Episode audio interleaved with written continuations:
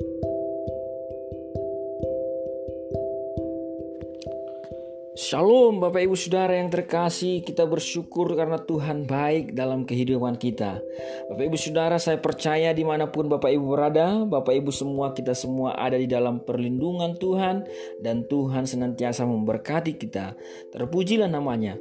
Nah, Bapak Ibu Saudara yang terkasih saat ini kita akan merenungkan firman Tuhan Yang diambil dari kitab 1 Raja-Raja pasal 13 ayat 1 sampai ayatnya yang ke-34 Kiranya melalui renungan ini Tuhan memberkati kita semua Bapak Ibu Saudara dan Tuhan menolong kita untuk menjadi pelaku-pelaku firman-Nya. Nah, Bapak Ibu Saudara dalam kitab 1 Raja-Raja pasal 13 ayat 1 sampai 4 434 ini Bapak Ibu itu terdiri hanya dari satu perikop sebuah cerita Bapak Ibu Saudara. Nah, saya tidak akan menceritakannya semua Bapak Ibu Saudara karena akan terlalu panjang, tetapi saya akan memberikan hal-hal atau prinsip-prinsip prinsip firman Tuhan yang dapat kita pelajari dari cerita ini. Inti dari cerita ini adalah bahwa ada seorang abdi Allah atau hamba Tuhan yang diperintahkan oleh Tuhan untuk menegur Raja Yerobeam tetapi Bapak Ibu Saudara dengan perintah bahwa dia tidak boleh makan dan tidak boleh minum dan tidak boleh singgah di tempat raja itu dan di Israel. Nah, tetapi Bapak Ibu Saudara pada akhirnya dia dibujuk atau ditipu atau berbohong seorang nabi lain berbohong kepadanya sehingga dia makan dan minum di sana. Akhirnya itu melanggar perintah Tuhan, Bapak Ibu. Nah, dari sini Bapak Ibu Saudara, kita bisa belajar beberapa kebenaran. Paling tidak ada tujuh hal yang ingin saya bagikan Bapak Ibu Saudara yang dapat kita renungkan dari bagian ini. Yang pertama adalah bahwa Allah benci dengan penyembahan berhala. Dikatakan di dalam ayat 1 sedang yang berdiri di atas mesbah itu sambil membakar korban.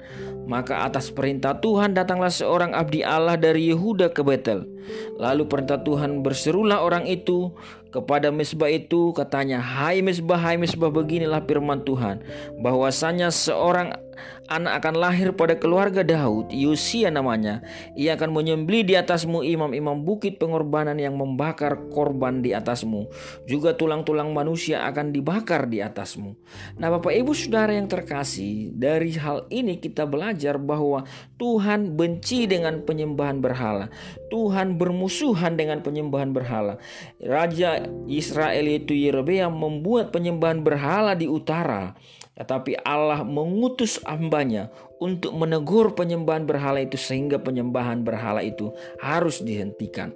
Yang kedua pelajaran yang dapat kita lihat Bapak Ibu Saudara adalah Allah membela umatnya Allah membela hambanya. Di dalam ayat 4 dan ayat 6 Bapak Ibu Saudara dikatakan bahwa demi Raja Yerobeam mendengar perkataan abdi Allah itu yang disuruhkannya terhadap mesbah di Betel itu, ia mengulurkan tangannya dari atas mesbah dan berkata, "Tangkaplah dia." Tetapi tangan Yerobeam Bapak Ibu Saudara menjadi kejang sehingga tidak ditarik, bisa ditarik kembali.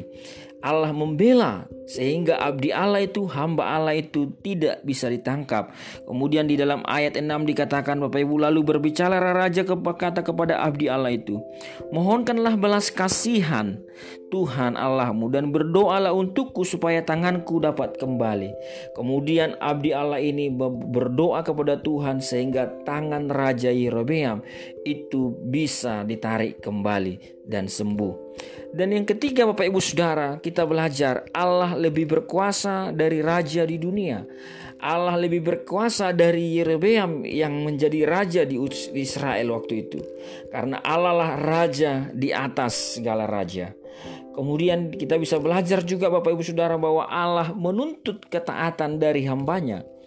Allah menuntut ketaatan dari umatnya. Allah menuntut ketaatan dari hambanya.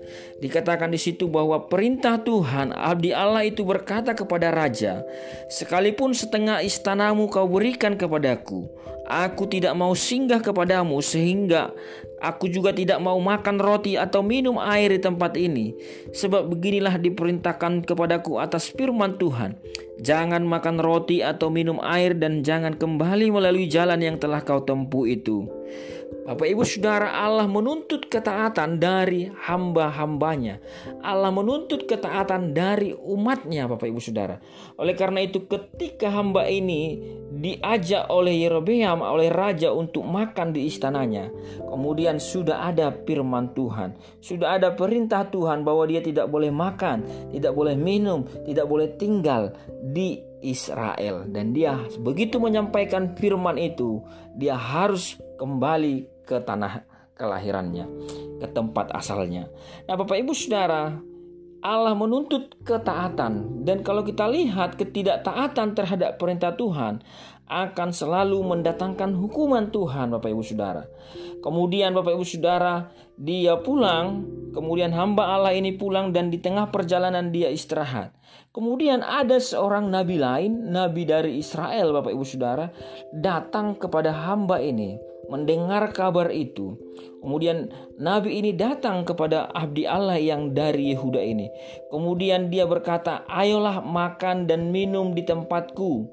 Kemudian abdi Allah dari Yehuda ini mengatakan, "Tidak, sebab firman Tuhan mengatakan bahwa saya tidak boleh makan, tidak boleh minum."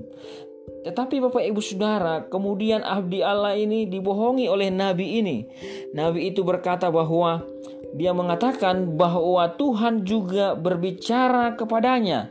Di dalam ayat 18 dikatakan bahwa aku pun seorang nabi juga seperti engkau dan atas perintah Tuhan Seorang malaikat telah berkata kepadaku bahwa dia pulang bersama-sama engkau ke rumahmu supaya ia makan roti dan minum air, tetapi ia berbohong kepadanya.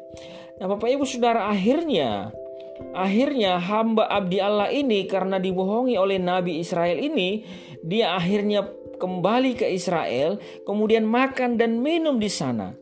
Kemudian akhirnya dia makan dan minum dan apa yang terjadi di dalam ayat yang ke-24 dikatakan orang itu pergi tetapi di tengah jalan ia diserang seekor singa dan mati diterkam. Akhirnya abdi Allah yang dari Yehuda ini itu akhirnya mati diterkam oleh singa. Karena dia tidak taat Bapak Ibu Saudara. Dia mudah ditipu, dia mudah disesatkan. Jangan mudah ditipu. Sekalipun Bapak Ibu Saudara itu mengatasnamakan Tuhan. Fokuslah kepada perintah Tuhan Bapak Ibu Saudara. Abdi Allah dari Yehuda ini, dia adalah seorang hamba Allah. Dia adalah seorang hamba Tuhan. Dia menerima perintah langsung dari Tuhan. Tetapi begitu ditipu mengatasnamakan Tuhan oleh Nabi yang dari Israel ini, dia tertipu Bapak Ibu Saudara. Rasul Paulus mengatakan, dia mengatakan kepada jemaat di Galatia, "Mengapa engkau mudah tertipu?" Kemudian Rasul Paulus mengatakan bahwa jangan sekali-sekali engkau tertipu sekalipun malaikat dari surga datang memberitakan Injil yang lain.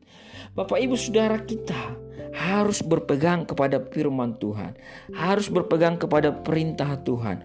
Fokuslah kepada Tuhan, fokus kepada firman-Nya bagi kita. Jangan mudah ditipu dan diombang-ambingkan Bapak Ibu. Sama seperti abdi Allah yang dari Yehuda ini. Karena dia tertipu Bapak Ibu Saudara. Akhirnya dia memberontak terhadap Allah. Akhirnya dia tidak taat kepada perintah Allah. Padahal di awal dia sungguh luar biasa. Dia sungguh dibela Tuhan. Tetapi kemudian dia ditipu sehingga dia menjadi memberontak kepada Tuhan. Bapak Ibu Saudara di sini kita belajar ada banyak orang yang di sekeliling kita mungkin mengarahkan kita kepada hal-hal yang bukan berasal dari Tuhan. Oleh karena itu saya mau mengatakan, mari Bapak Ibu fokus kepada Tuhan, fokus kepada firman-Nya. Yang ketujuh dan yang terakhir adalah bahwa kebebalan adalah dosa yang keji di mata Tuhan dan permusuhan dengan Tuhan yang akan menghancurkan diri kita sendiri Bapak Ibu Saudara.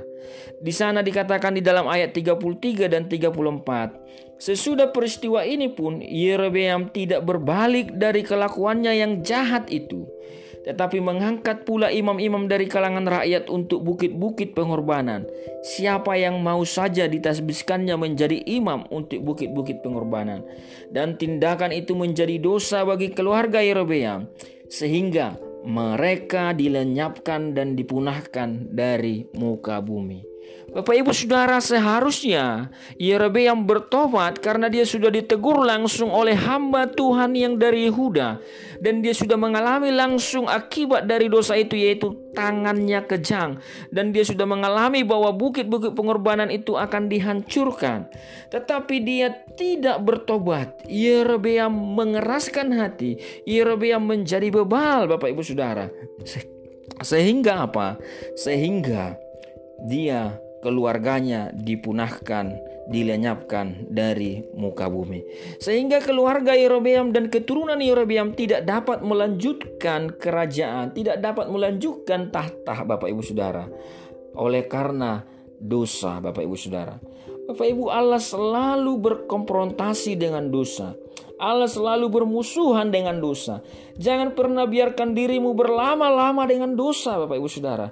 Segeralah bertobat, segeralah berbalik kepada Tuhan, dan Tuhan akan mengampuni kita. Bapak Ibu Saudara yang terkasih, Upah dosa adalah maut. Upah dosa adalah kematian. Kematian hari ini, kematian di masa yang dekat datang, kematian kekal Bapak Ibu Saudara. Bapak Ibu Saudara, tetapi kasih karunia Allah akan melimpah. Allah adalah setia dan adil. Ia akan mengampuni barang siapa yang mengakui kesalahannya, mengaku kepada Tuhan. Bapak Ibu Saudara yang terkasih kita melihat Yerobeam akhirnya dilenyapkan bahkan seluruh keluarganya dilenyapkan dan dipunahkan dari muka bumi. Upah dosa itu jelas adalah permusuhan dengan Allah.